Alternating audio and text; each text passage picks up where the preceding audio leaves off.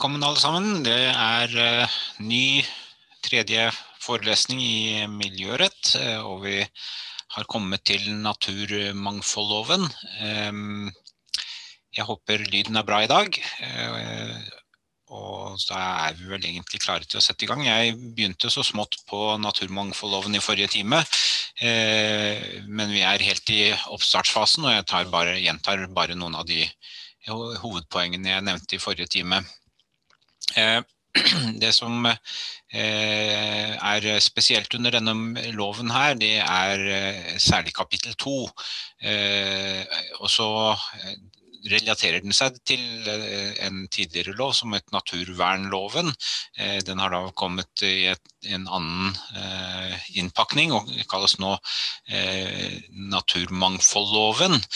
Og den forskjellen der er ganske viktig å få med seg, mens naturvernloven i stor grad handlet om bare de delene av naturen som er vernet, så omhandler naturmangfoldloven eh, mange flere områder. Og den visker litt ut grensen mellom vern og eh, bruk. Sånn at det blir et mål eh, under loven at man både skal ha bærekraftig bruk og vern.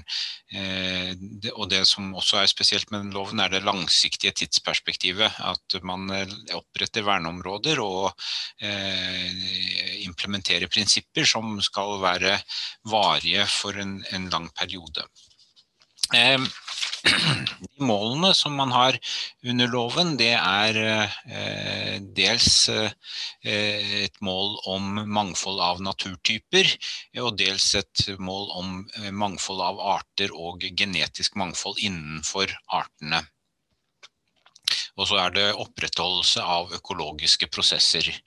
Eh, dette med arter er vel ganske greit. altså Vi kjenner til arter og rødlister for arter osv. Eh, genetisk mangfold innen en art det er et tema som kommer opp mye i forbindelse med utrydningstruede arter. Eh, og det har vært et veldig viktig tema i ulveforvaltningen, eh, og, og, også for andre store rovdyr.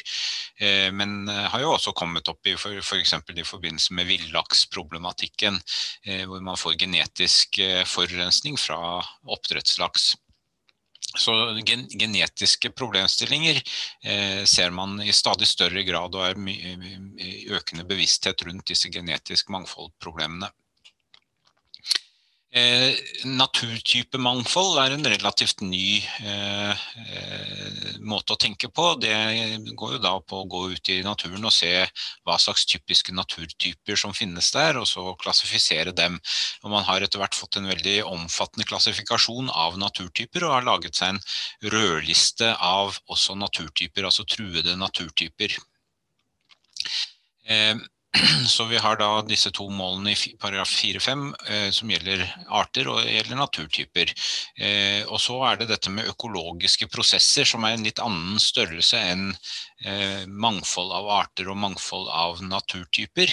Eh, økologiske prosesser er, et mer eh, funksjonelt begrep, altså et begrep som sier noe om de eh, funksjonene som artene og naturtypene ivaretar. Og det kan være ulike typer eh, påvirkninger av klima, altså at man får et spesielt type klima eh, basert på den naturtypen som er, eller at man eh, har en, en produksjon, altså en, en, biomasseproduksjon i et område som følge av at man har en spesiell naturtype eller spesiell tilstedeværelse av en del arter som kan være aktuelle å høste av.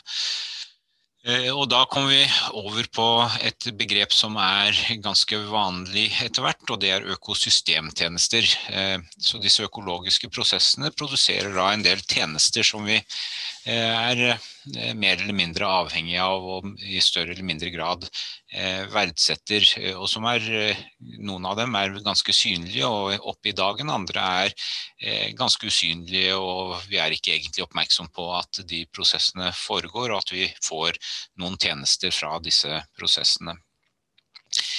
Eh, så dette er viktig sånn eh, som en del av bakgrunnsforståelsen for, for denne loven. Så er det prinsipper som er nedfelt i paragrafene 7 til 12. Og disse prinsippene de er ment som retningslinjer for, for all lovgivning. Dette gjelder også målene så hele kapittel to i loven er egentlig et kapittel som får anvendelse også utenfor naturmangfoldlovens område. Så eh, når man fatter vedtak etter annen lovgivning, må man både ta, ivareta eller se hen til disse hensynene eller disse målene for naturtyper og for, for arter.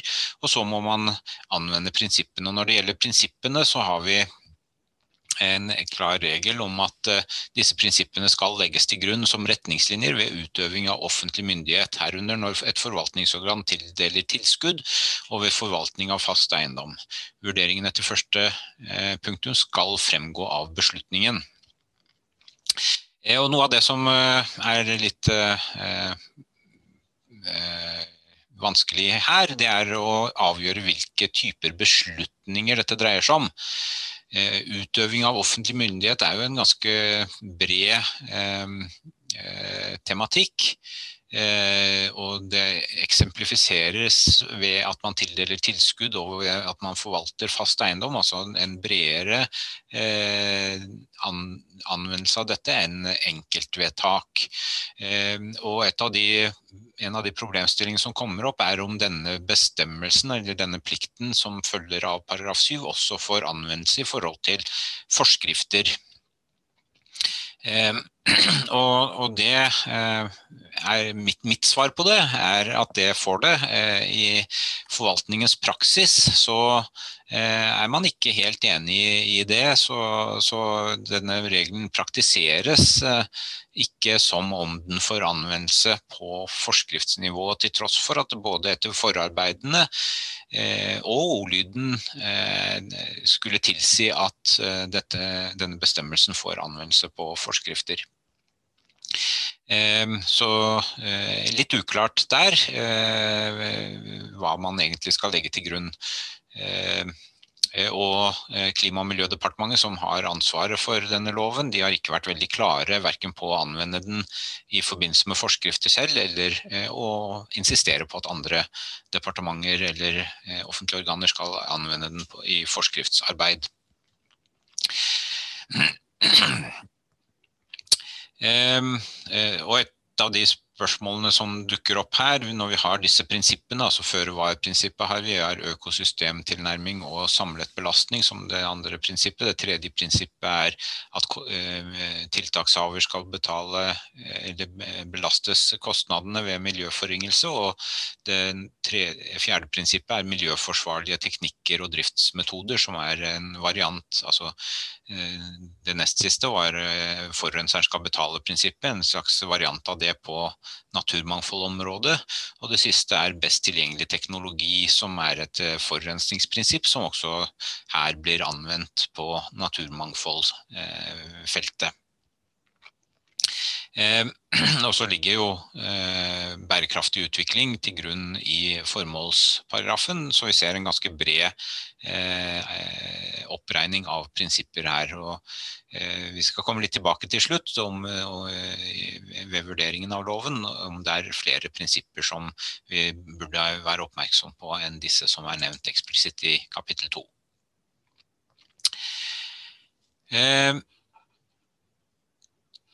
Så har jeg et lysark her om eh, verneområdekategorier. Eh, jeg har lagt inn litt flere referanser på dette lysarket siden jeg publiserte forelesningene, så jeg skal eh, publisere en oppdatert versjon, sånn at dere får tilgang til disse lenkene også.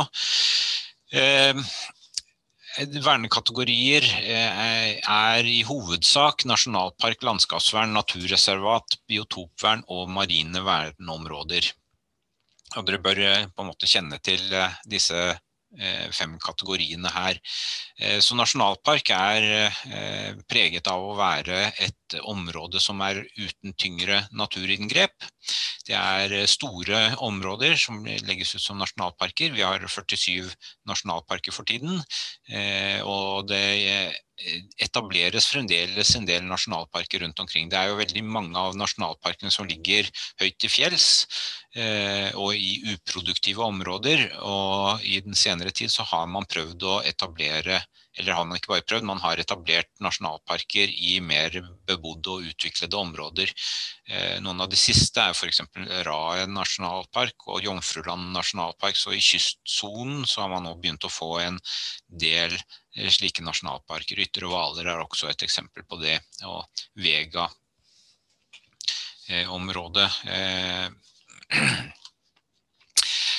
Så er det neste eksempelet her er landskapsvern, som er områder der det gjerne foregår både en del næringsvirksomhet, typisk landbruksvirksomhet, men også andre typer næringsvirksomhet og hvor folk bor. I en nasjonalpark så vil man ikke ha fast, fast bebyggelse med boliger, men man har litt seterdrift i, i noen nasjonalparker. I landskapsvernområder så er det derimot mye bruk av eh, området, eh, og det er et slags overlapp da mellom landskapsvern og plan- og bygningsloven. En nasjonalpark, der er det nasjonalparkforskriften som gjelder, mens i et landskapsvernområde så blir det en kobling mellom eh, denne vernekategorien og plan- og bygningsloven. Så der har kommunen fremdeles en god del eh, beslutningsmyndighet eh, gjennom plan- og bygningslovssystemet. Eh, så er det tredje eh, vernekategorien er naturreservat. Det er en veldig streng eh, vernekategori og brukes for små områder. Ja, landskapsvernområder er litt flere landskapsvernområder enn det er nasjonalparker. Men det er typisk store områder. Naturreservater er små områder som er strengt vernet. Og der satser man eh, på at, eh, at, naturen skal være så å si uberørt eller i sin naturlige forfatning, altså uberørt av mennesker. Men man ser jo at det finnes ganske mange naturreservater veldig nær der folk bor, så dette med at naturreservater er uberørte områder er en sannhet med modifikasjoner. Det er en god del naturreservater som har ganske mye press, både av bruk og av eh, fremmede arter som kommer inn i naturreservatet. Et av de dyreste naturreservatene som eh, er opprettet, var på Nesøya, midt på Nesøya, som er midt inne i et boligområde i Asker kommune. Eh, så naturreservater eh, er i alle fall strengt vernet, eh, og de er ofte også avhengig av skjøtsel for at de skal være effektivt vernet. Det fjerde vernekategorien er biotopvern. Og biotopvern er en slags kobling mellom arealvern og artsvern. Før så var artsvern også en del av pensum, det har vi måttet droppe pga. sidetallsbegrensninger. Ehm, så eh, vi, dere får ikke så mye om artsvern i, i dette, eh, dette, emnet her, men eh, Biotopvern er eh, iallfall en sånn slags koblingskategori. og Poenget med biotop, altså hvorfor det heter biotop, er fordi at eh, dette området er leveområdet til en art, eh, og at det er hensynet til den arten, eller flere arter, som begrunner vernet.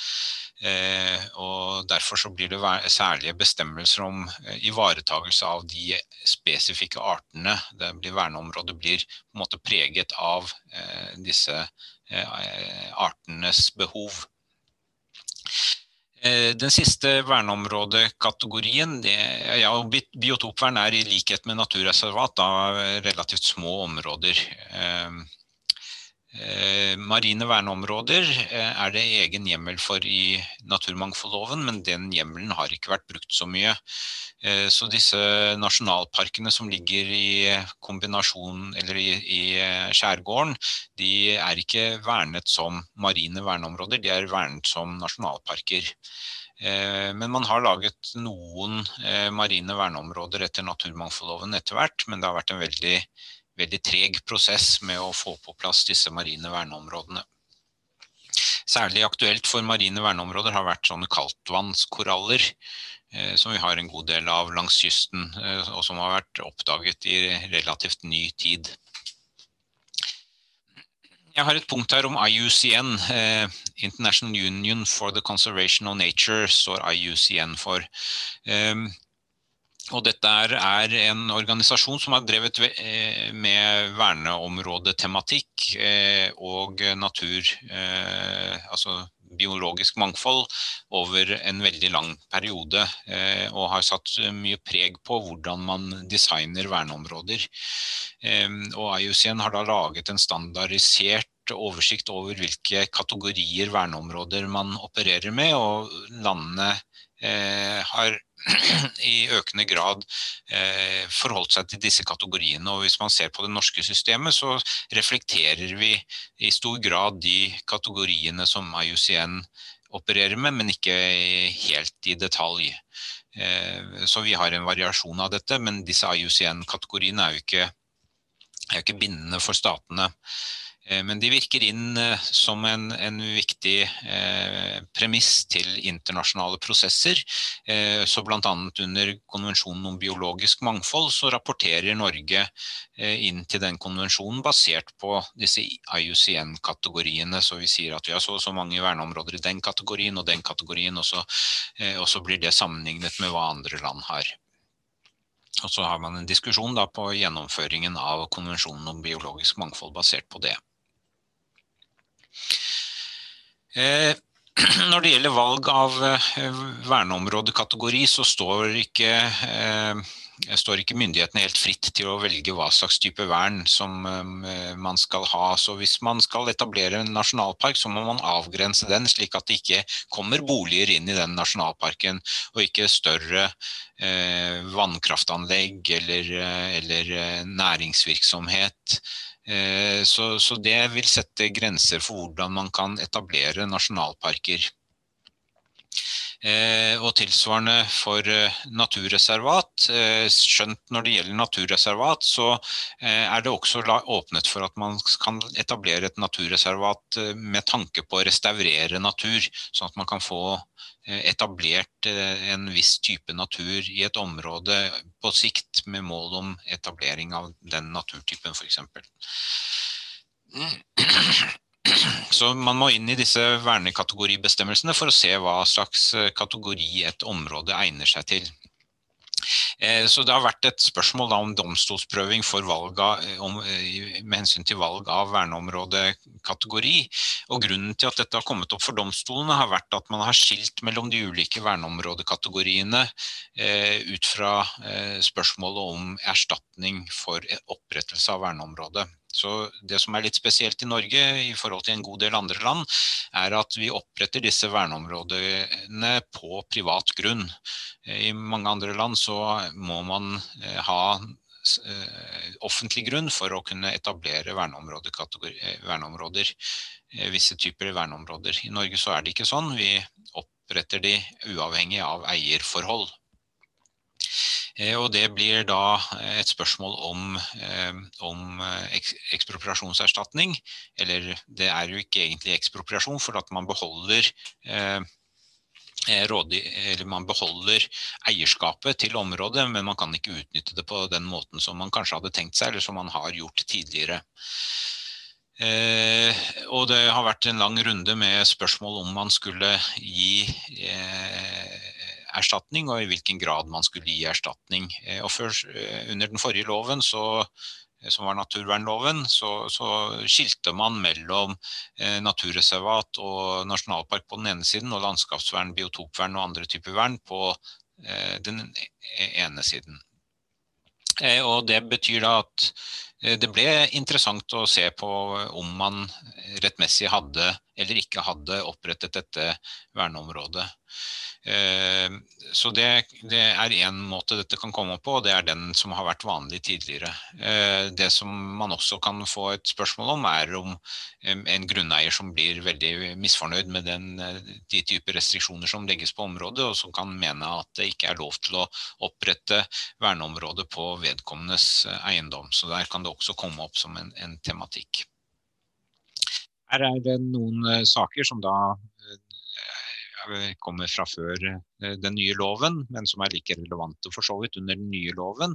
Hvor man har kommet til at man kan prøve både lovtolkningen, altså lovtolkningen av innholdet i disse kategoriene, og subsumsjonen. Men at man skal være litt varsom i subsumpsjonssammenhengen. Eh, jeg skal ikke gå inn disse, på disse dommene eh, spesifikt, men den mest interessante av dem, den naturfredningsdommen fra 1995, eh, er den, kanskje den mest interessante eh, av disse dommene. Og, og, noe av det dere kan legge merke til når dere leser den dommen, er hvordan man drøfter reelle hensyn, hvordan Høyesterett drøfter reelle hensyn i den dommen.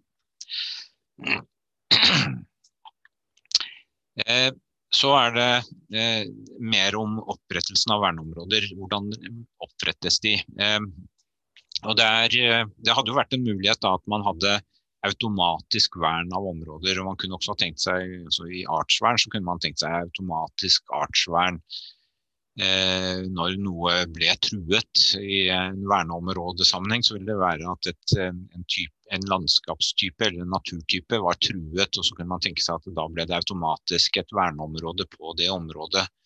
Eh, og Det ville jo vært å gi disse rødlistene en, en, en spesiell funksjon. Eh, men det har man valgt ikke å gjøre i Norge. Eh, og det er vel heller ikke vanlig at man gjør det i andre land, at man får den typen automatisk vern. Så Vernevedtaket i Norge er ved forskrift, eh, men ikke bare en forskrift, det er også enkeltvedtak. Så dette blir et kombinert forskrift og enkeltvedtak. Det ser dere av paragraf 34 i naturmangfoldloven.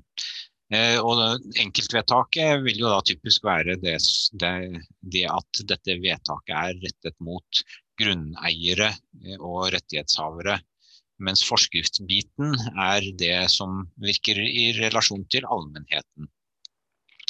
Det er jo ett og samme vedtak, og den får da karakter av både forskrift og enkeltvedtak om å oppfylle eh, begge disse settene med prosessuelle eh, krav som ligger i forvaltningsloven. Eh, men også her så vil det jo være særregler for eh, saksbehandlingen i naturmangfoldloven som går foran reglene i i eh, forvaltningsloven. Hvis vi går inn og ser på f.eks. en av disse bestemmelsene, da, i, og da kan vi ta den som eh, gjelder opprettelse av eh, nasjonalparker så vil dere se at den setter noen rammer for eh, eh, hvilke aktiviteter som kan eh, pågå i områdene, og som dermed også betyr at det setter noen rammer for hva som kan bestemmes i verneforskriften. Så i andre ledd i paragraf 35 så står det at ingen varig påvirkning av naturmiljø eller kulturminner skal finne sted i, eh, den, i nasjonalparken, med mindre slik påvirkning er en forutsetning for å ivareta verneformålet. Eh, så definisjonen av verneformålet vil være veldig viktig. Og i nasjonalparker så vil det typisk være et verneformål å eh, legge til rette for friluftsliv og legge til rette for eh, turisme bruk, eller allmennhetens bruk av området. Nasjonalparker er jo noe som skal være den flotteste naturen vi har å by på, til både befolkningen i Norge og de som kommer på besøk hit. Så står det videre at forskriften skal verne landskapet med planter, dyr, geologiske forekomster og kulturminner mot utbygging, anlegg, forurensning og annen aktivitet som kan skade formålet med vernet, og sikre en uforstyrret opplevelse av naturen. Eh, og her ser vi en liten spenning som oppstår mellom motorisert ferdsel og, eh, og et verneformål om uforstyrret, uforstyrret opplevelse av naturen står videre at ferdsel til fots i samsvar med friluftslovens regler er tillatt. og Det betyr at man kan ikke forby ferdsel med, til, til, fots i en nasjonalpark. Eh, men eh, man kan begrense den i områder og bare dersom det er nødvendig for å bevare planter eller dyr, kulturminner eller geologiske forekomster. Så man kan eh, nedlegge ferdselsforbud i visse soner i en nasjonalpark eh, etter denne bestemmelsen.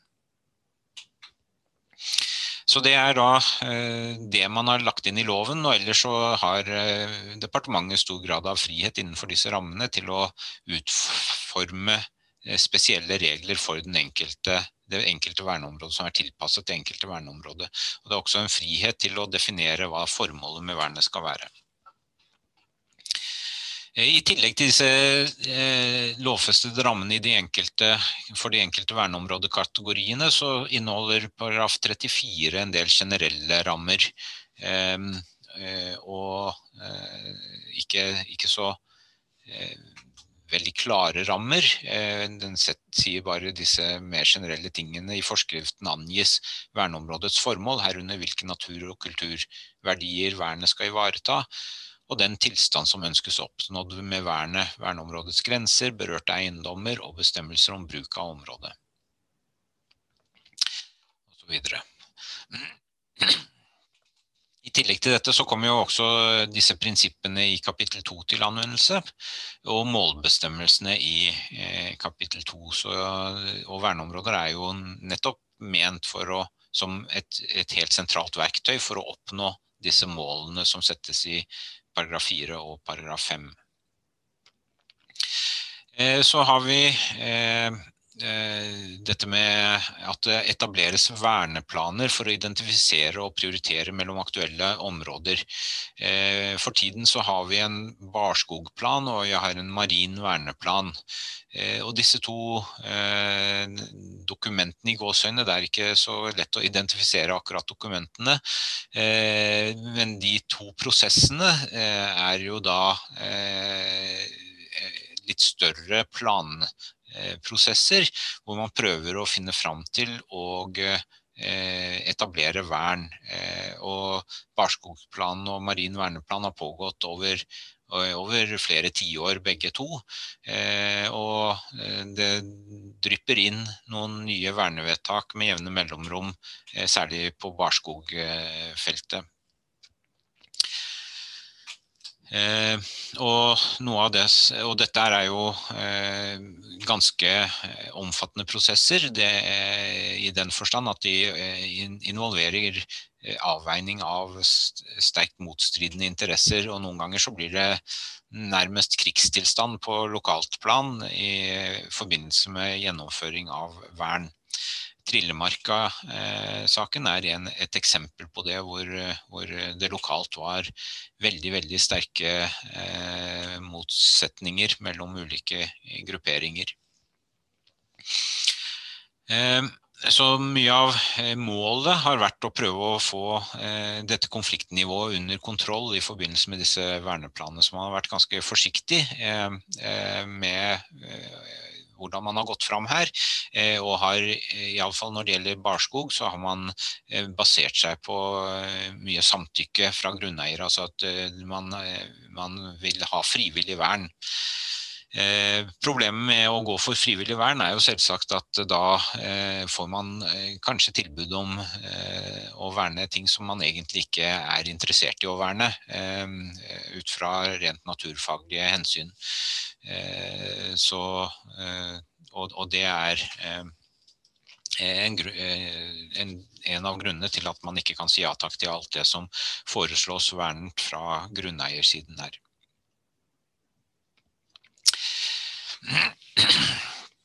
Det finnes noen alternative rettsgrunnlag for områdevern eh, som er viktig å være obs på. Så kommunen kan bruke eh, reguleringsplan for å verne. Eh, og det er ganske interessant, for kommunen kan da bruke en reguleringsplan og si at vi, vi, vil verne dette området. Og de kan også bruke den reguleringsplanen som grunnlag for ekspropriasjon. Da, og, og, grunneierne kan si at ja, her må dere innløse. Så det, den bruken av reguleringsplan kan føre til at det blir et krav om innløsning fra grunneierne, eller eh, at eh, kommunen velger å ekspropriere et område som de mener er spesielt verdifullt for kommunen, kanskje for friluftslivsformål eller tilsvarende. Eh, og det er til forskjell fra eh, naturmangfoldloven, der man ikke kan eh, etablere det at man etablerer et verneområde i naturmangfoldloven, er ikke i seg selv et ekspropriasjonsgrunnlag. Så det vil ikke være hjemmel for ekspropriasjon etter naturmangfoldloven. Eh, så har man havressursloven, som har en egen eh, bestemmelse om vern. Eh, og det som er interessant her, er jo den geografiske avgrensningen av naturmangfoldloven. Så hvis dere ser på naturmangfoldlovens paragraf 2, så vil dere se at det er en litt sånn pussig bestemmelse i tredje ledd. Litt pussig, fordi man ser ikke så mange av disse, denne typen bestemmelser i norsk lovgivning. Eh, og den, det tredje leddet der reflekterer en sterk eh, konflikt som gikk eh, mens man forberedte naturmangfoldloven. Der står det på kontinentalsokkelen og i jurisdiksjonsområder opprettet i medhold av lov eh, om økonomisk, Norges økonomisk sone, altså utenfor, dette betyr da i realiteten utenfor territorialfarvannet, så gjelder bare et utvalg av bestemmelsene. Så det betyr at de andre bestemmelsene gjelder ikke.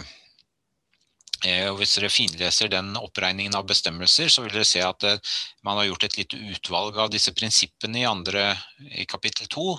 Eh, man har sagt fire og fem er omfattet, syv er omfattet, åtte og ni og ti er omfattet, men ikke elleve.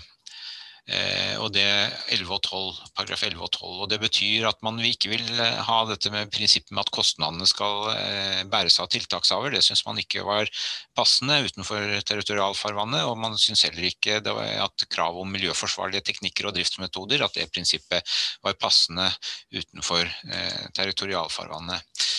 Og interessant nok så ble dette begrunnet med at, at det var, var tvilsomt om disse reglene vil være i tråd med Norges forpliktelser under havretten. Eh, og det hadde man tilsynelatende laget en eh, vurdering av, men den vurderingen av dette har aldri blitt offentliggjort. Så hva begrunnelsen for at man ikke kunne ha disse prinsippene, og heller ikke verneområdebestemmelsene. Så vi har verneområdebestemmelsen om marint vern i naturmangfoldloven. Den kommer ikke til anvendelse utenfor eh, territorialfarvannet. Så Dermed så har vi fått en litt problematisk situasjon hvis man ønsker å etablere et verneområde som krysser territorialfarvannet, altså som strekker seg fra innenfor til utenfor territorialfarvannet, så er man avhengig av å få en felles enighet om bruk av havressursloven for vern av det området, og naturmangfoldloven innenfor eh, territorialfarvannet, eller bare bruke havressursloven.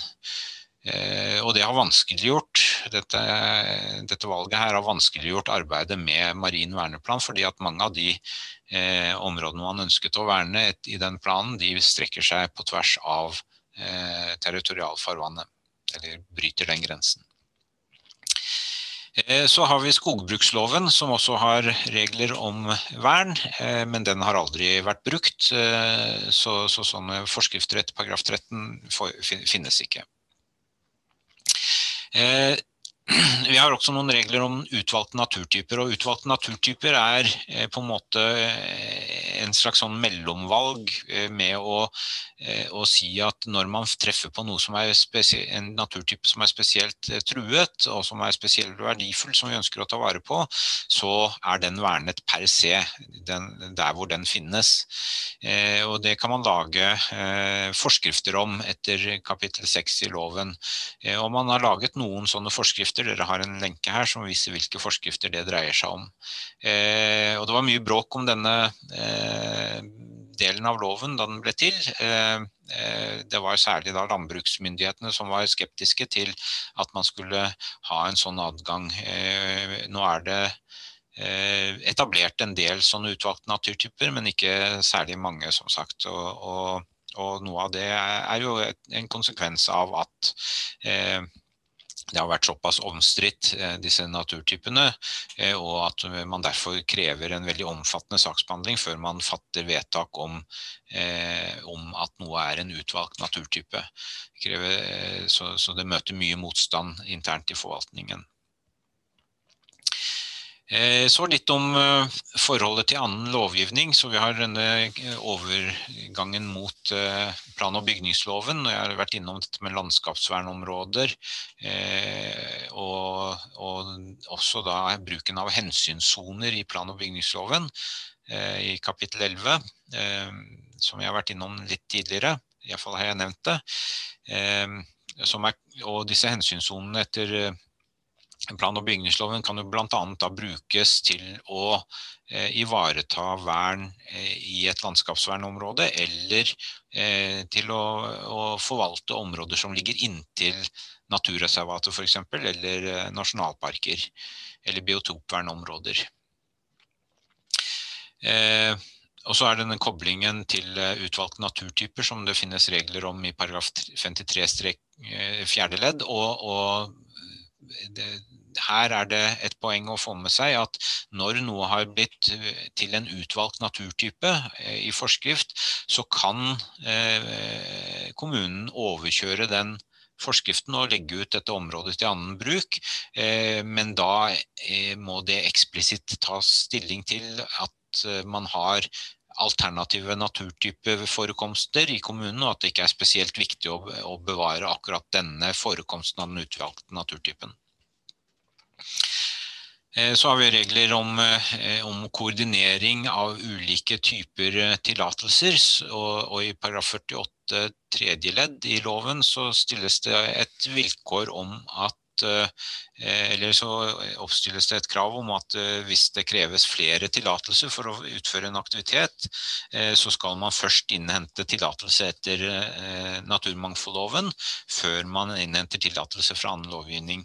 Og det er ut fra et tanke om at det vil være at naturmangfoldloven som hovedregel er den strengeste loven, og at man hvis man bruker masse ressurser på å, å, søke andre steder, og så kommer til naturmangfoldloven, så har man kastet bort eh, mye offentlige ressurser på eh, unødvendig saksbehandling. Eh, så er det en interessant bestemmelse som utvider virkeområdet til verneområdene. Og det er paragraf 49 i loven Eh, som omhandler utenforliggende virksomhet som kan medføre skade inn i et verneområde. Og dette kan dreie seg om mye forskjellig. Det kan f.eks. dreie seg om, eh, om, at man eh, foretar grøfting eh, og drenering av et område eh, som kan påvirke vanntilførselen til et verneområde. Og det kan dreie seg om anlegging av parkeringsplass, noe så enkelt som det, i nærheten av et verneområde. Eh, og noe som vil påvirke ferdselen og bruken av et verneområde.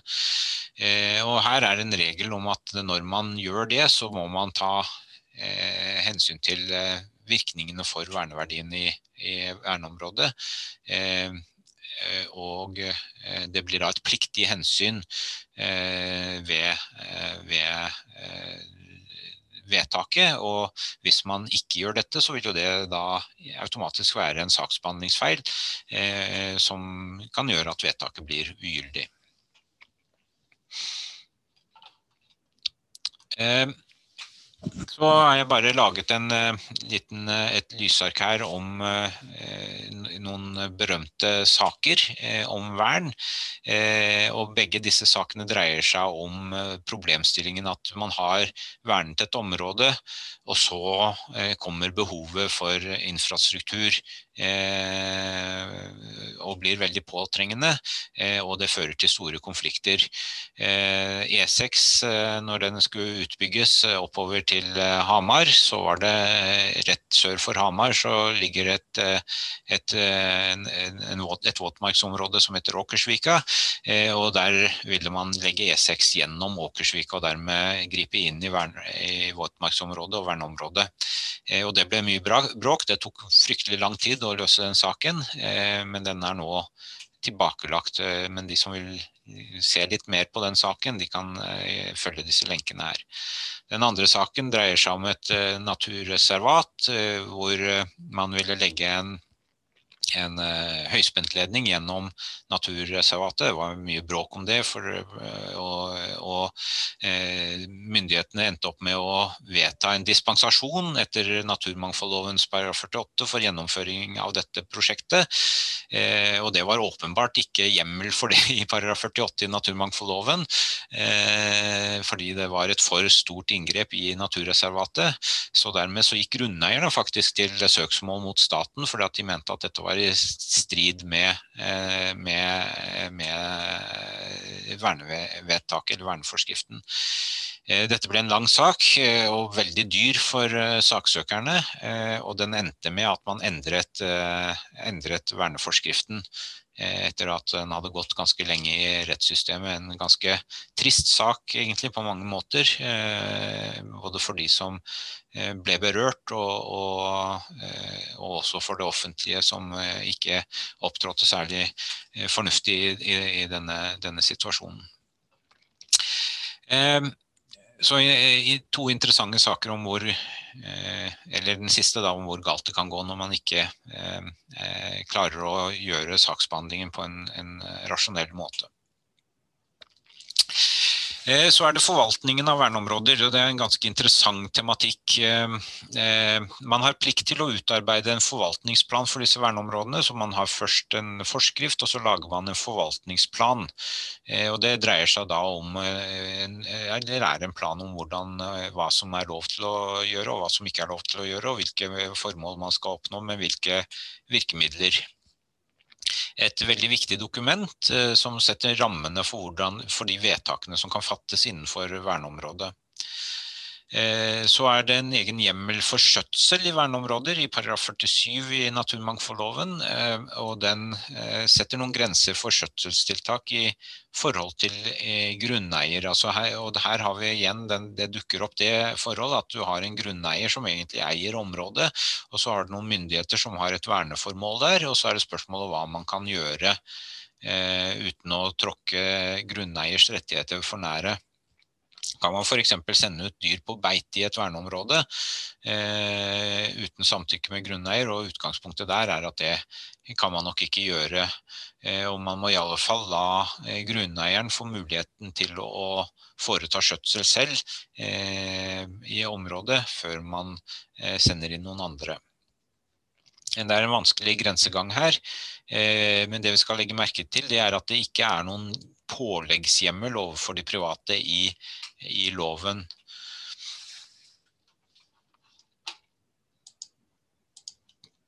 Nå er det noe. Hva er skjøtsel, fikk jeg spørsmål om. Skjøtsel eh, som juridisk definisjon eh, er at man aktivt går inn og foretar noe fysisk i verneområdet. Så skjøtselstiltak er et fysisk inngrep, enten at man skal fjerne noen planter som er uønsket i området, eh, eller at man eh, vil plante noe som man mener skal være der, og som ikke er der, eller at man innfører noen dyrearter som man mener bør være til stede ut fra ivaretakelse av noen Eh, noen, eh, økosystemverdier. Så er fysiske inngrep eh, det dreier seg om. Hele dette systemet med verneområder er Eh, basert på eh, sentralmyndigheters, eller har vært basert på sentralmyndigheters perspektiv. Så dette har vært områder som man fra nasjonalt eller regionalt nivå har ment har vært viktige å ivareta. Eh, og så kan kommunen lage sånne lokale verneområder basert på plan- og bygningslovens hjemmel for å opprette reguleringsplaner for miljøvern. Eh, etter hvert, og for å ivareta eh, disse eh, konfliktsituasjonene som har oppstått, så har man valgt å gå inn for en lokalforvaltningsreform. Eh, og der har man opprettet et, nærmere 50 lokalforvaltnings- eh, eller eh, verneområdestyrer, hvor lokalpolitikere, regionalpolitikere og samiske representanter, der det er relevant, sitter i et forvaltningsorgan og fatter vedtak om hva man får lov til å gjøre og ikke lov til å gjøre i, i de ansamlingene av verneområder som hører innunder disse verneområdestyrene. Det er en ordning som har eksistert siden rundt 2010. Og nå ser man en del effekter av det. Det er, det er, er en interessant materie å studere. Er, jeg er med på en utredning nå om hvordan dette har slått ut. hvilken type, Om man får mer, lov til å gjøre mer i disse verneområdene enn tidligere. Og om verneverdiene blir godt nok ivaretatt. En underliggende problemstilling her har jo vært at disse verneområdene i mange sammenhenger har vært altfor dårlig ivaretatt, så verneverdiene har vært, eh, har vært dårlig Eh, ivaretatt i eh, nesten halvparten av verneområdene, iallfall i tre, eh, to tredjedel, en tredjedel av verneområdene, drøyt en tredjedel av verneområdene. Eh, eh, så, så, det har vært behov både fra, for å ivareta, bedre ivareta verneformålene og for å senke konfliktnivået. Og for å gi en bedre forankring lokalt selvfølgelig for, for vernet. Um, Uh, og et eksempel Jeg var en tur i Jomfruland i sommer, og, og der har de et et viktig tema gående nå om, eh, om, nasjonalparken der. Hvor skal man legge dette forvaltningsknutepunktet, eller dette, denne, dette stedet som eh, skal representere verneområdet? Skal det ligge i Kragerø, eller skal det ligge ute på Jomfruland? Eh, masse engasjement og, og interesse lokalt for det, det spørsmålet der.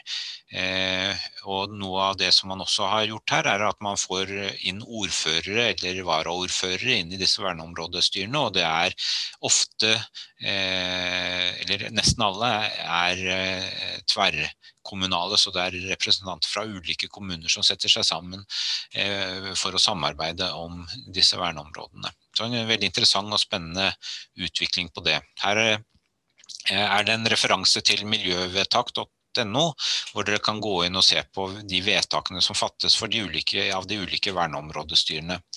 Eh, miljøvedtak.no er, eh, er en, et sted hvor dere vil finne vedtak om natur om natur og naturmangfold. Altså ikke forurensningstematikk, men natur og naturmangfold. Det er en egen eh, webside for, for forurensningsvedtak, som jeg kommer tilbake til senere.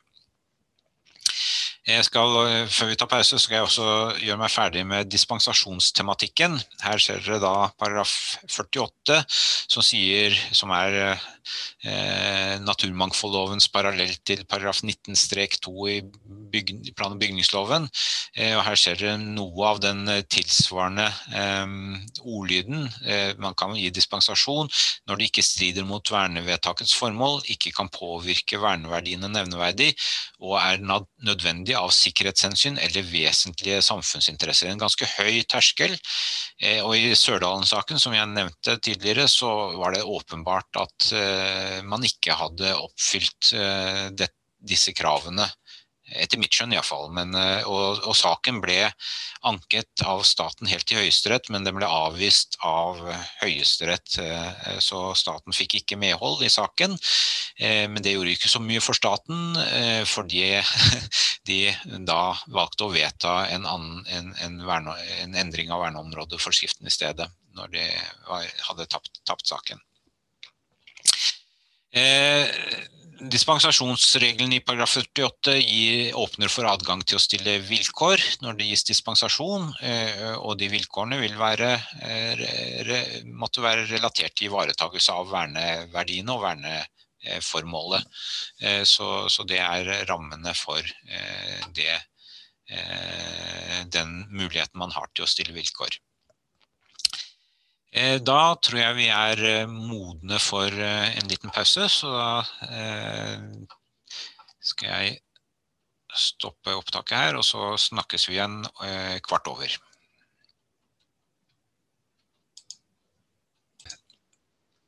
Ja, da fortsetter vi med status og utfordringer for verneområder i dag. vi har et representativitets tema som er, er, ganske viktig. Det er jo klart at det er ganske lavterskel å verne stein og fjell og is. Og det har jo norsk verneområdepolitikk vært preget av. fordi Eh, og, og, veldig av, veldig mange av verneområdene er lagt til områder som ligger langt unna folk, der hvor det ikke er noe særlig eh, økonomiske interesser.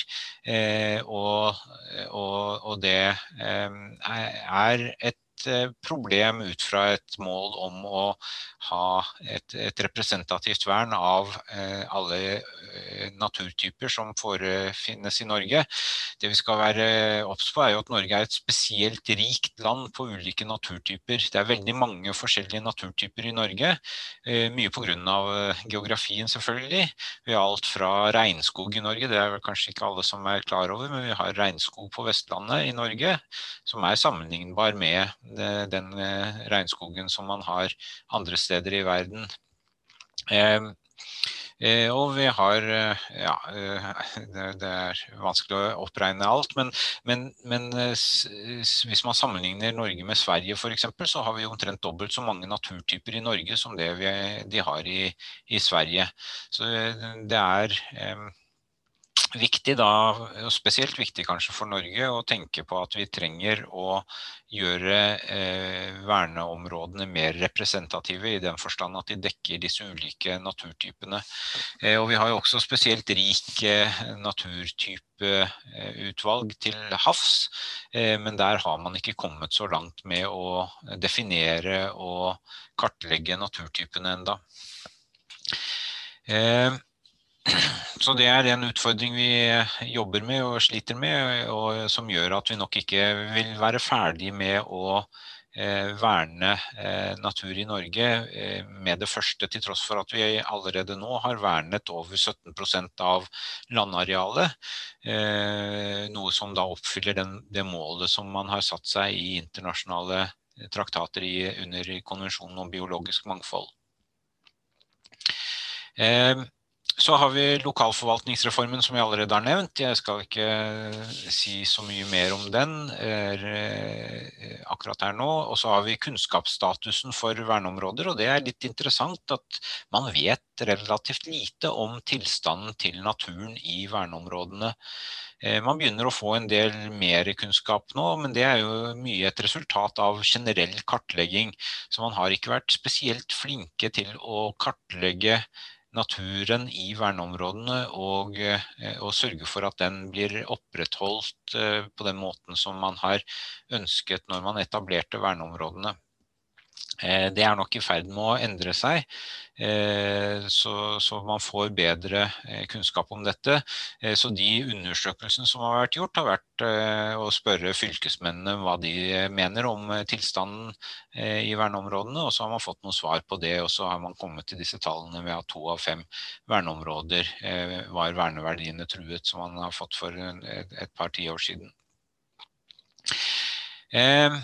Så har man internasjonalt vern, og det er ganske interessant. Eh, vi har en egen bestemmelse i, eh, i naturmangfoldloven, paragraf 40, om at et verneområde kan gis internasjonal status.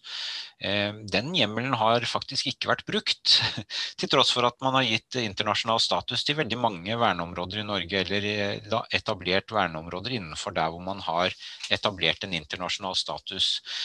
Og det er tre konvensjoner som er relevante her. Det ene er verdensarvkonvensjonen, som de fleste har hørt om.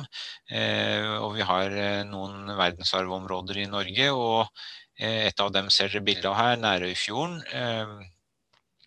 Og så har vi Vega. Øyan, som er også et verdensarvområde som er naturorientert. Og så har vi noen verdensarvområder som er kulturbasert eller kulturorientert. F.eks. Røros er et eksempel på det. Eh, så, eh, og, de, og, disse verneområdene, de eh, og disse områdene her har, har, da noen verneområder i seg. Så f.eks. Nærøyfjorden eh, har to landskapsvernområder som er etablert der, så det er ikke en nasjonalpark. og Vegaøyene har, har, tilsvarende en blanding av landskapsvern og, og naturreservater. Så er det Ramsar-konvensjonen som dreier seg om våtmarksområder. og Der er jo Åkersvika-saken interessant, et interessant eksempel. For det, det Åkersvika som jeg var innom eh, sør for Hamar, der eh, var området etablert som Ramsar, et Ramsar-område. og Da ble det masse bråk i forhold til eh, konvensjonens sekretariat når man ønsket å bygge E6 gjennom Åkersvika. Eh, så det at man fører disse, eh, disse verneområdene inn en sånn, eh, på en sånn liste, gjør jo at man får en helt annen dynamikk når man kommer til spørsmålet om hvordan man skal forvalte disse områdene, om man kan gjøre inngrep i dem. Og under Ramsar-konvensjonen så har man påtatt seg en forpliktelse om at hvis man eh, gjør inngrep i et våtmarksområde som er vernet etter den konvensjonen, så må man skaffe erstatningsområder. Så det ble også da en prosess rundt om de eh, erstatningsområdene som man skaffet i forbindelse med Åkersvika-prosjektet, eh, om, om de var gode nok. Eh, så er det Bernkonvensjonen som eh, er mest berømt for, eh, for ulveproblematikken selvfølgelig i Norge, men som også er relevant fordi den fokuserer på biotopvern, eller habitatsvern som det også kalles. Altså at, at, man trenger å verne områder for å kunne verne arter. Så dette, dette er en konvensjon om koblingen mellom artsvern og eh, områdevern. Eh, og eh, Bernkonvensjonen eh, har laget seg et system for verneområder som er noe tilsvarende det som man har under Natura 2000 i EU-systemet. Det er jo sånn på dette feltet som vi er nå, at EØS-avtalen ikke har noe særlig betydning fordi vi ikke har tatt de to sentrale direktivene på området, nemlig habitatsdirektivet og fugledirektivet. Eh, så Habitatsdirektivet korresponderer til Bernkonvensjonen, og fugledirektivet korresponderer til Ramsar-konvensjonen. For disse våtmarkene de har man vernet eh, i veldig stor grad fordi at de er, eh, er rasteområder for migrerende fugler. Så de er veldig viktige for fugler som vandrer fra en jurisdiksjon til en annen jurisdiksjon. og Dermed så mener man at dette er et internasjonalt problem hvis man ødelegger disse eh, våtmarkene. Da får det relativt direkte konsekvenser for fuglebestandene i andre land. Eh, så Under Bernkonvensjonen har man laget noe som man kaller Smaragd-nettverk, eller Emerald Network. Eh, og der har Norge endelig, etter mange mange, mange år med forberedelser, meldt inn en, en stor mengde, flere hundre verneområder inn i Bernkonvensjonen. Eh, og det blir da en slags tilsvarende, eh, en tilsvarende ordning som den man har i EU-systemet eh, under habitatsdirektivet, men uten de strenge Eh, rettslige oppfølgningsmekanismene som man har i EU-systemet, med EU-domstolen, som kan avgjøre om eh, man har godt nok vern, om man har vernet mange nok områder, om man har ivaretatt alle de artene som skal, man skal ivareta osv. Der har EU-domstolen eh, det endelige ordet. Vi har ikke noe tilsvarende mulighet for å prøve om man har et godt nok vern i norsk rett. Eh, så har vi biomangfoldkonvensjonen, som jeg har vært innom et par ganger. Som, men den har ingen sånne bestemmelser om etablering av internasjonale verneområder. Men den koordinerer på en måte verneområdepolitikken under den generelle paraplyen for denne konvensjonen. Så dette er en veldig generell konvensjon, og disse andre eh, globale konvensjonene de hører på en måte inn under denne konvensjonen. Den er en slags paraplykonvensjon uten at, har, er, uten at det er etablert noe klart sånn hierarki. Men man prøver å få disse naturkonvensjonene til å operere i fellesskap. Både verdensarvkonvensjonen og Ramsar-konvensjonen er jo mye eldre enn biomangfoldkonvensjonen som kom i 1992. Så man har på en måte laget denne paraplyen i ettertid av at man etablerte disse andre konvensjonene. En tredje konvensjon som er relevant her er CITES, som omhandler vern av arter og handel, internasjonal handel med arter. CITES står for Convention on International Trade in Endangered Species. Så jeg har nevnt en, et organ her som heter IPBES. Det er da en forkortelse for Intergovernmental Panel on Biological Diversity and Ecosystem Services. tror jeg. jeg er ikke helt sikker på den. Dere får sjekke det via lenken her. Men uansett er dette det panelet som skal ivareta det skal ivareta de faktagrunnlaget for arter. Og noe av det som de gjør er jo å se litt på hvordan det står til med biomangfoldet rundt omkring i verden. Og vi har fått en del meldinger i nyhetsmedier nå nylig om hvor dårlig det står til. Hvor mange arter som har veldig mye færre individer eh, tilgjengelig i, på jorda nå enn det de har hatt tidligere. Eh, og eh, hvor mange arter som er utrydningstruet.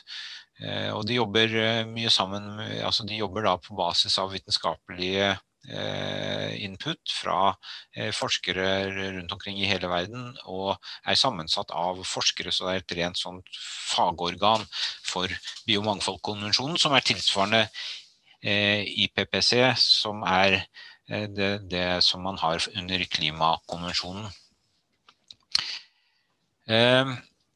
Eh, den, dette organet her under Biomangfoldkonvensjonen ble jo etablert mye senere enn IPPC ble eh, etablert, og har på en måte eh, er dannet så, etter den modellen som IPPC etablerte.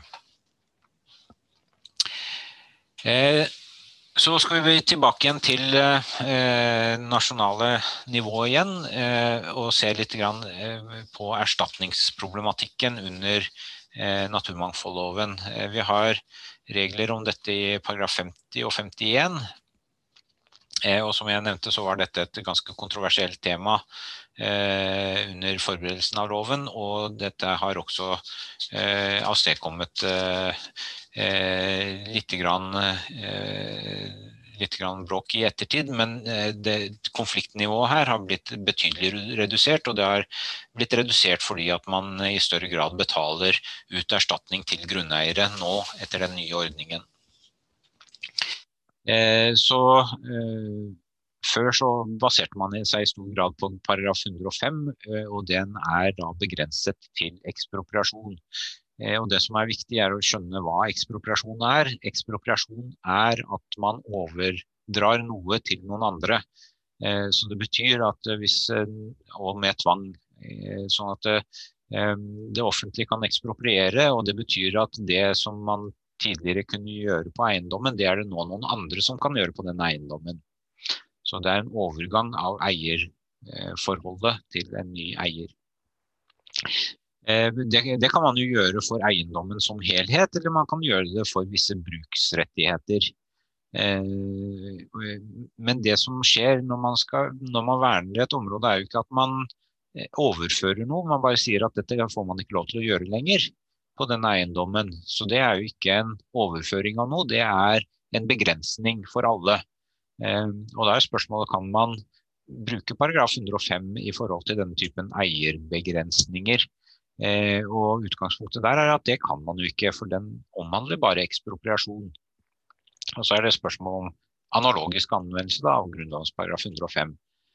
Eh, men det har man da eh, kjørt over både i plan- og bygningsloven i kapittel 15 som vi har vært innom der, og 16. Eh, men 16 gjelder da for ekspropriasjonstilfellene, så er eh, kapittel 15 egentlig er som er parallellen til paragraf 50 og 51 i naturmangfoldloven. Eh, og den utvidelsen gir jo da adgang til ekspropriasjon, nei, adgang til eh, erstatning i, i, i, flere saker enn det man ville hatt etter paragraf 105, åpenbart. Eh, og den eh, begrenser dette til eier eller rettighetshaver, så en ganske bred Eh, bred gruppe av personer som kan være aktuelle. Rettighetshaver kan jo typisk være en eh, rettighetshaver i et felles beiteområde eh, som det finnes mye av i, i verneområder, f.eks. Eller det kan være jaktrettigheter som blir borte som følge av etablering av naturreservat. Det, det, som er spesielt for norske verneområder, er jo at det er utstrakt rett til jakt i verneområder. Også det er etablering av verneområder Eh, innebærer som regel ikke at man griper inn i eksisterende jaktrettigheter, men det kan tenkes i visse tilfeller at man gjør det. Det kriteriet man har lagt seg på, det er vanskeliggjøring av igangværende bruk. og Her ser dere at dette ligner jo veldig på plan- og bygningslovens virkeområde også. Eh, altså dette med igangværende bruk, eh, at man gjennom plan ikke kan gripe inn i igangværende bruk. og Her kommer mange av de samme temaene opp. altså Hva er det som er igangværende, og hva er det som er påregnelig framtidig endring av den bruken som man allerede har vært i gang med tidligere.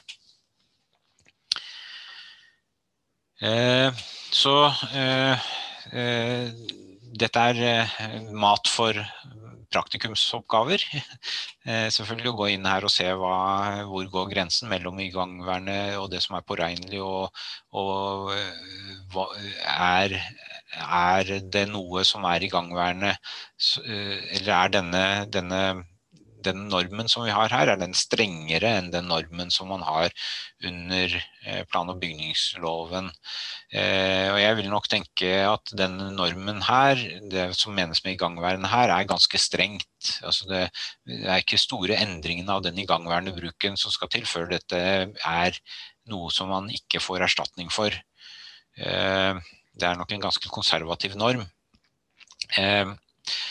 Eh, så må det være en årsakssammenheng, eh, eh, selvfølgelig. Og så er det nok et vesentlighetskrav. Men det er litt usikkert og hvor man eventuelt skal legge det vesentlighetskravet. Der blir det en og, det, og, spørsmålet i tilknytning til det er om det er en totalvurdering, eller er det, om det er avgrenset til, til virkningene for eieren. Eh, det, der, eh, dette er også noe som ikke er helt avklart i rettspraksis, men i rettstidene 1988, side 890, fikk vi en slags eh, grunnleggende dom på at eh, man følger en en helhetsvurdering og ikke bare avgrenser vurderingen til virkningene for eieren for den eiendommen det er snakk om. Så man kan hensynta da også hva allmennheten tjener på å kunne gjøre dette inngrepet. Hvorvidt og hvor langt man vil gå i å si at det må være en, en, slags, en slags, eh, vesentlighetsnorm før man får erstatning her, eh, det er fremdeles eh, litt uavklart. Og jeg tror nok myndighetene har lagt seg på en linje hvor man eh, ikke syns det er så viktig å trekke den nederste grensen. At man gir erstatning i de aller fleste tilfellene hvor det er snakk om at det er noe nevneverdig å erstatte i forhold til grunneieren. At man er velvillig innstilt overfor grunneierne. Og det går tilbake til noe av det som var grunnen for at man fikk denne eh, lovendringen, og det var et ønske om å redusere transaksjonskostnader. Eh, man opplevde at man brukte veldig mye penger i forbindelse med vern av verneområder. Så brukte man veldig mye penger på eh, rettssaker.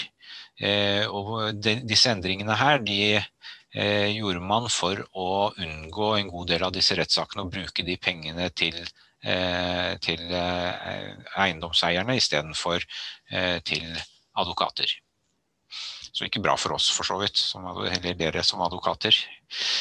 Eh, så er det utmåling, eh, og eh, der har man laget noen sånne prosessuelle regler nettopp ut fra de hensynene som jeg nevnte nå.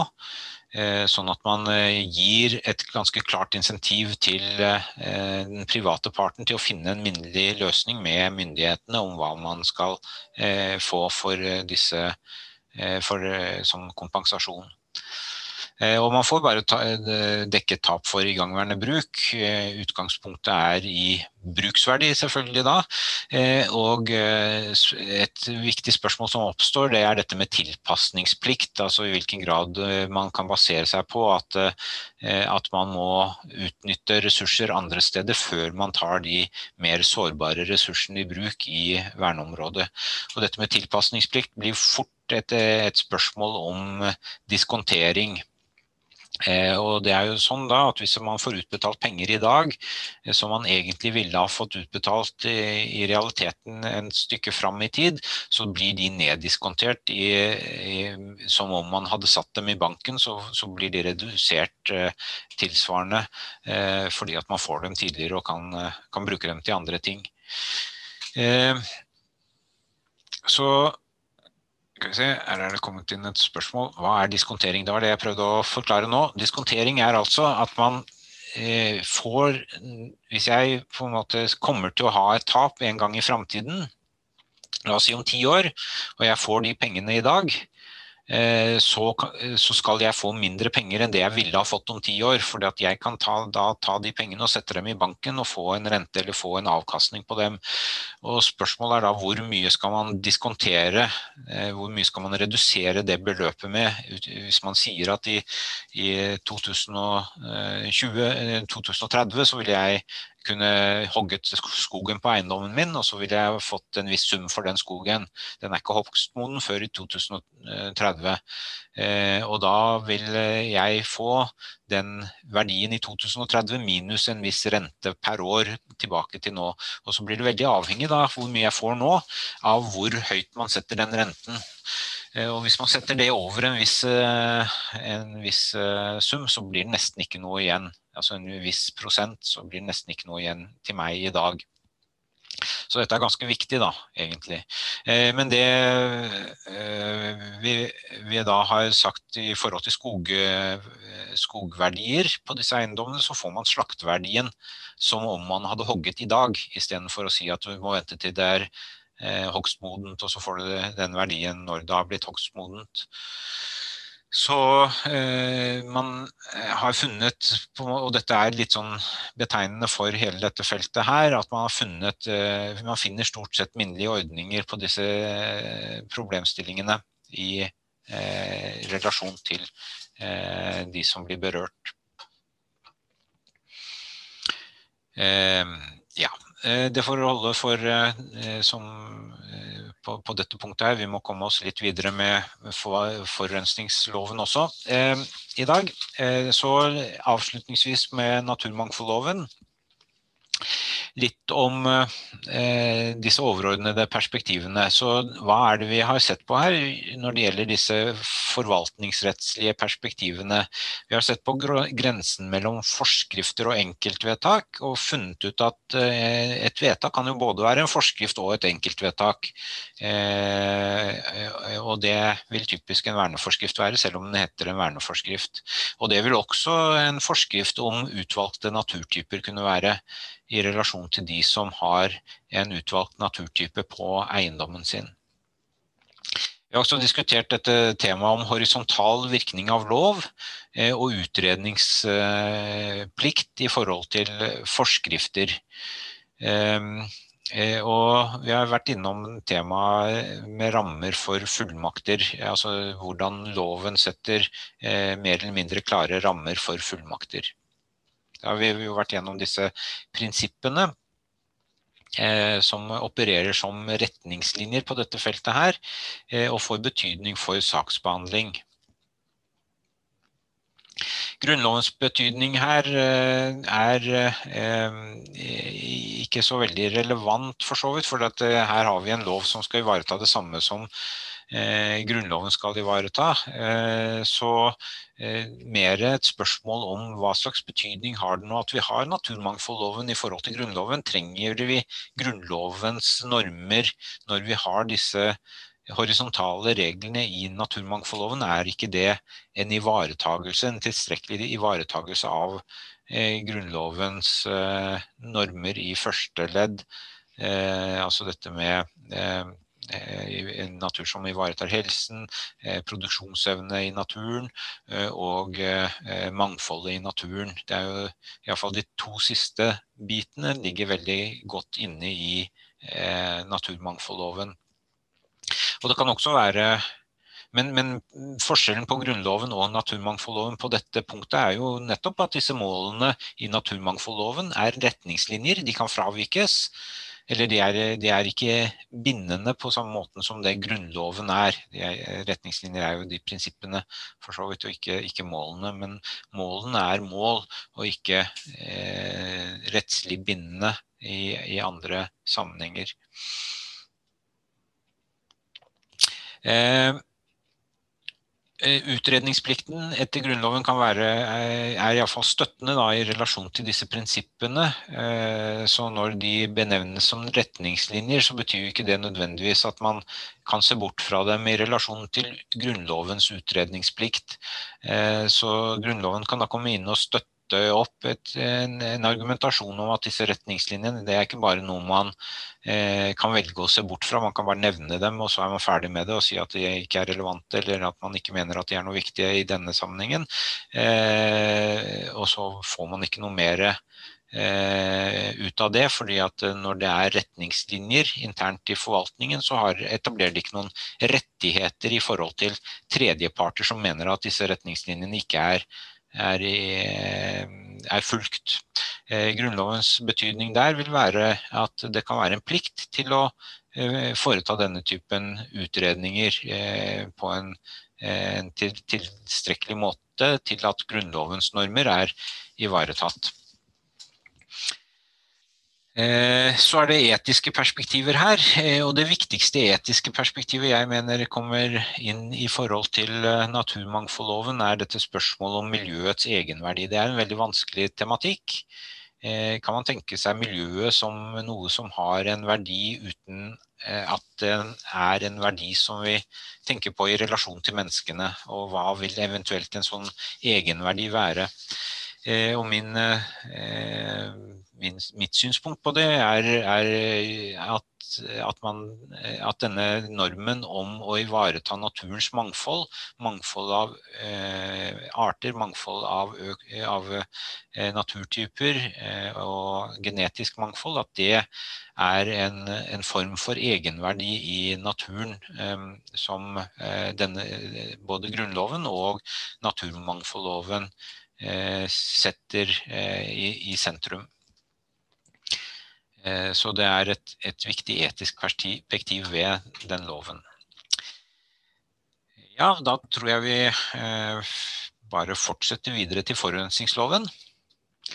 Eh, og der er læringskravet at dere skal ha kunnskap om rettslige virkemidler og rammer. Her er det samme ordlyd til å begynne med. For kontroll med utslipp og forurensning, herunder klimagasser. Eh, og det er da viktige deler av denne loven også som ikke er med i eh, pensum. Det er eh, avløps- og avfallstematikken som jo i praksis er veldig viktig under denne loven. For de som måtte lure på ja, dette bildet kan ikke være relevant lenger, det er ikke Norge dette her. Og dere har dere helt rett i, men det er rett over grensen fra Norge. Og det er ikke til Sverige, og det er ikke til Finland, men det er til Russland.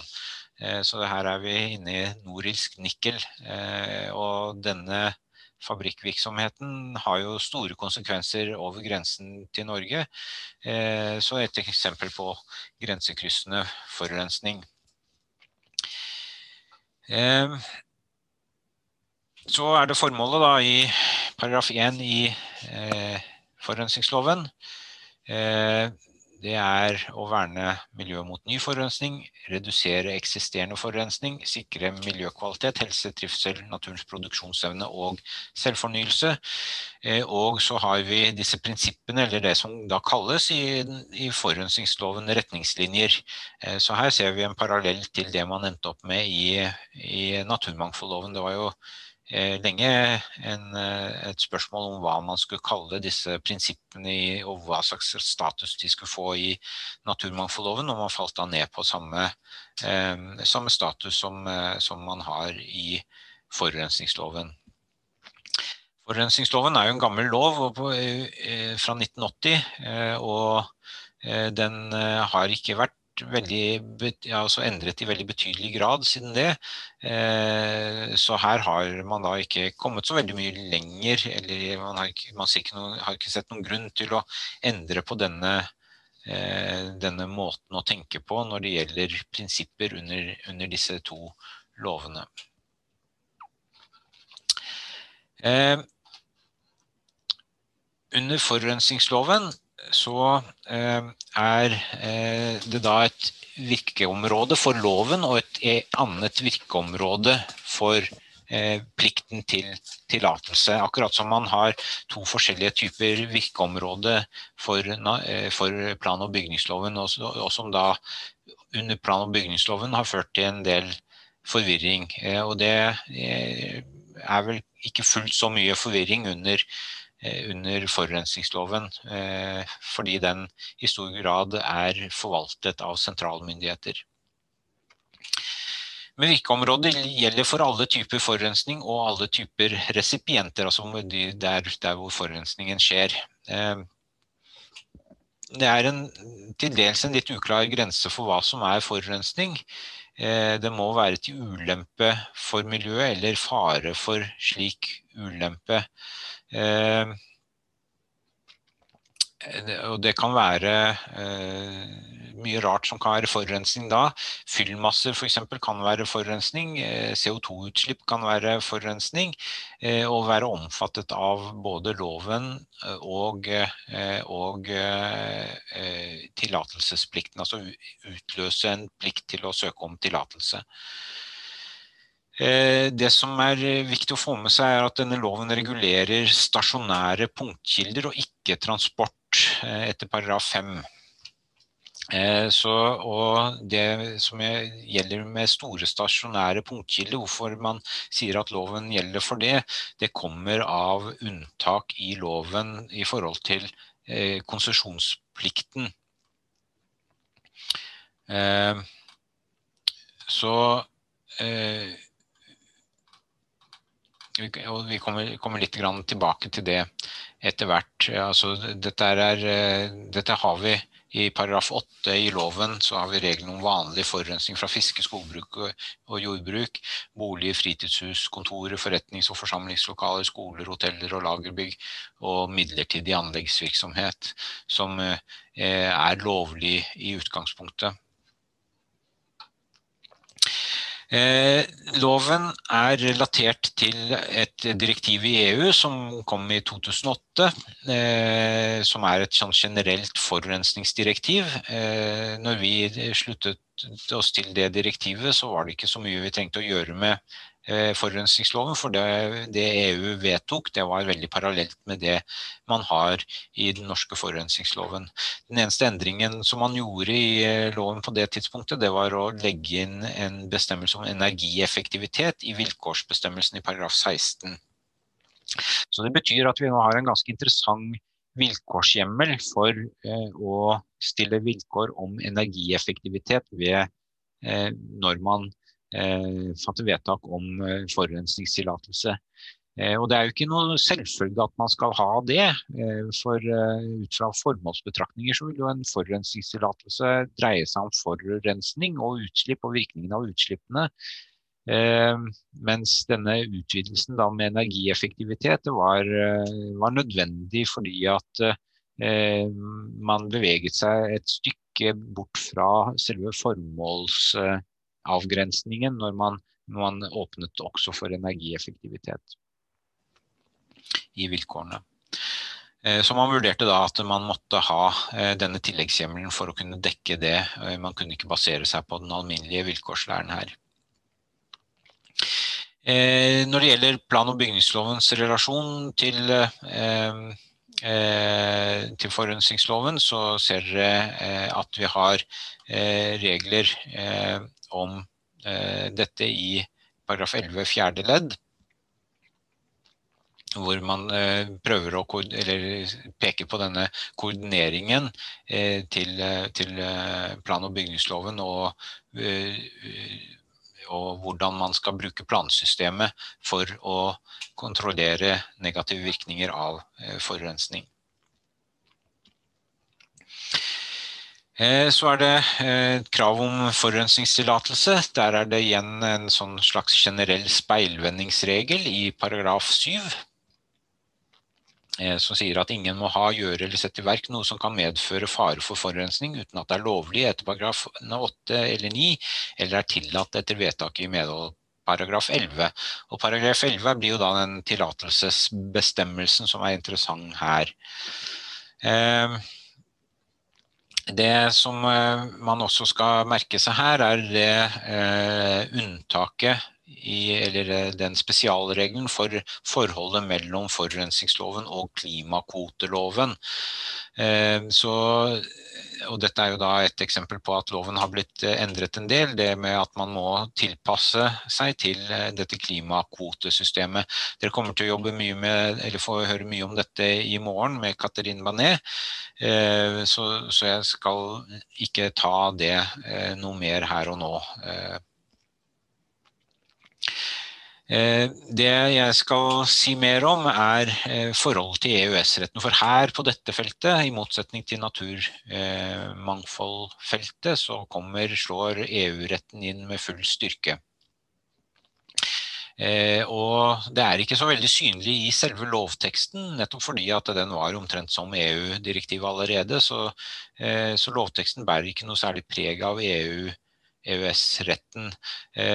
Det det stedet dere må lete for å finne spor etter EØS-retten, det er i, i forskriften, forurensningsforskriften. Det er en kjempesvær forskrift, enda mye større enn eh, konsekvensutredningsforskriften.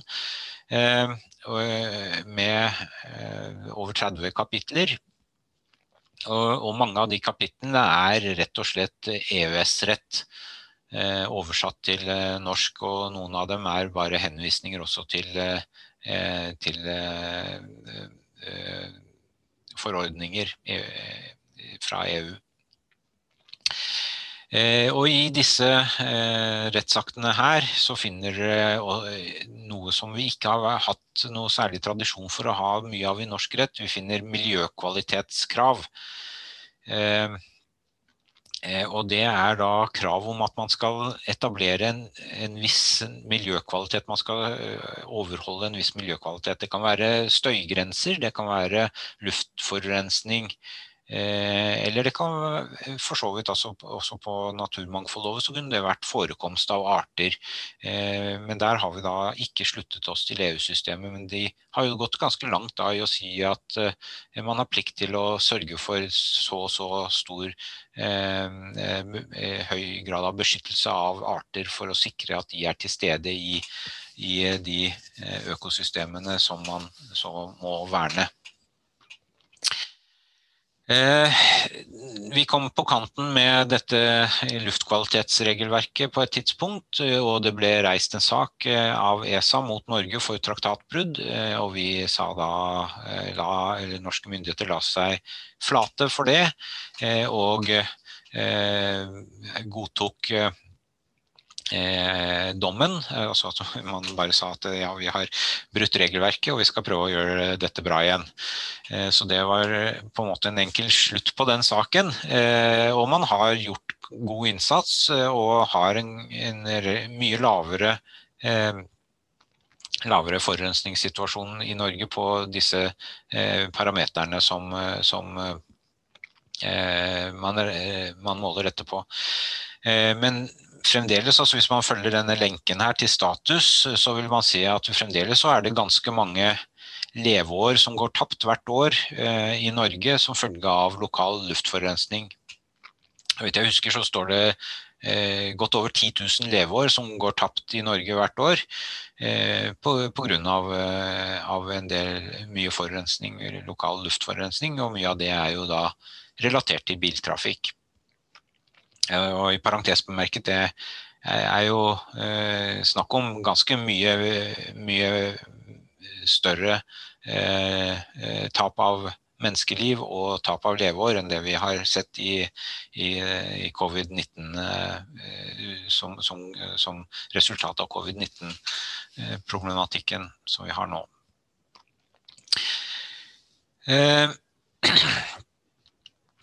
Et tema som oppstår i forbindelse med tillatelse, det er tilbakevirkningsspørsmål. Eh, og eh, at man ønsker å stramme inn i forhold til virksomhetene. Eh, og det har man løst gjennom en ganske omfattende om, omgjøringsregel i forurensningsloven. Som vi skal komme tilbake til litt etter hvert.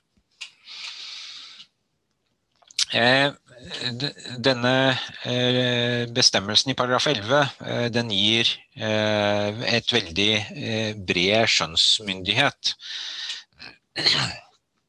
Og det kommer til uttrykk i siste ledd i paragraf 11. Når forurensningsmyndigheten avgjør om en tillatelse skal gis og fastsette vilkårene etter paragraf 16, skal det legges vekt på de forurensningsmessige ulemper ved tiltaket sammenholdt med de fordeler og ulemper som tiltaket for øvrig vil medføre.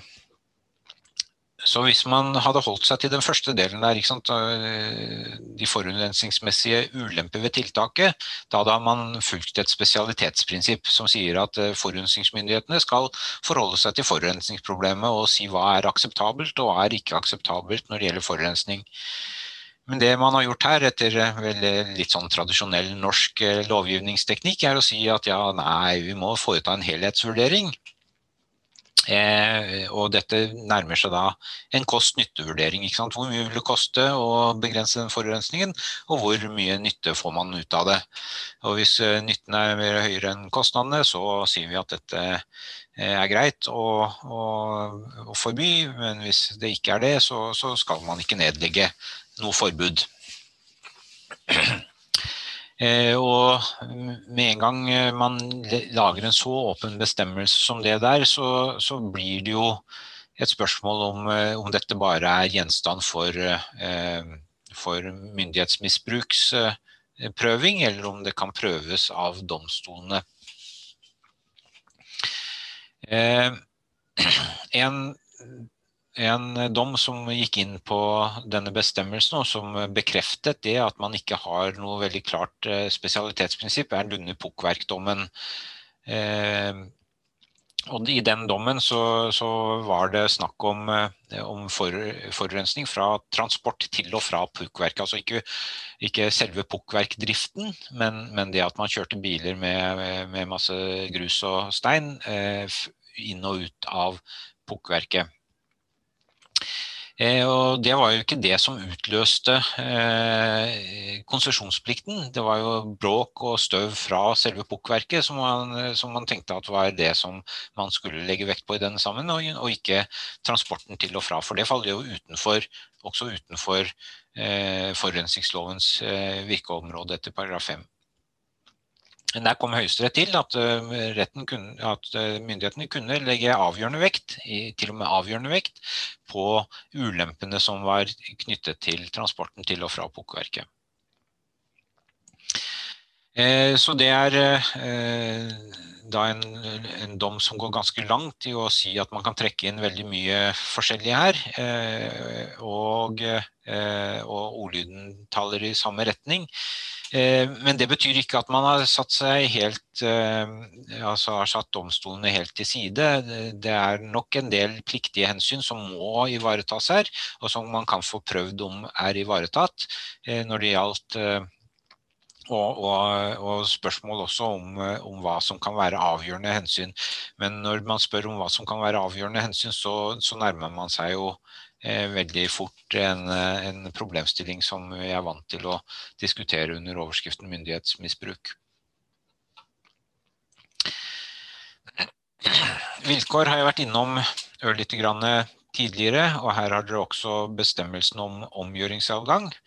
Eh, men jeg tror at vi nå begynner å nærme oss slutten på denne forelesningen, så jeg tror ikke vi skal ta oss og gå grundig inn på dette akkurat nå. Jeg tenker at vi sier at dette får holde for i dag, og så kommer vi tilbake med resten av forurensningsloven og de siste eh, perspektivene på eh, de generelle perspektivene, virkemiddelbruk og, eh, og, prosessuelle rettigheter på fredag. Og I mellomtiden skal dere lære en del om eh, klima og EØS-rett fra Katarinen i, i morgen. Så takk for meg. Takk for i dag.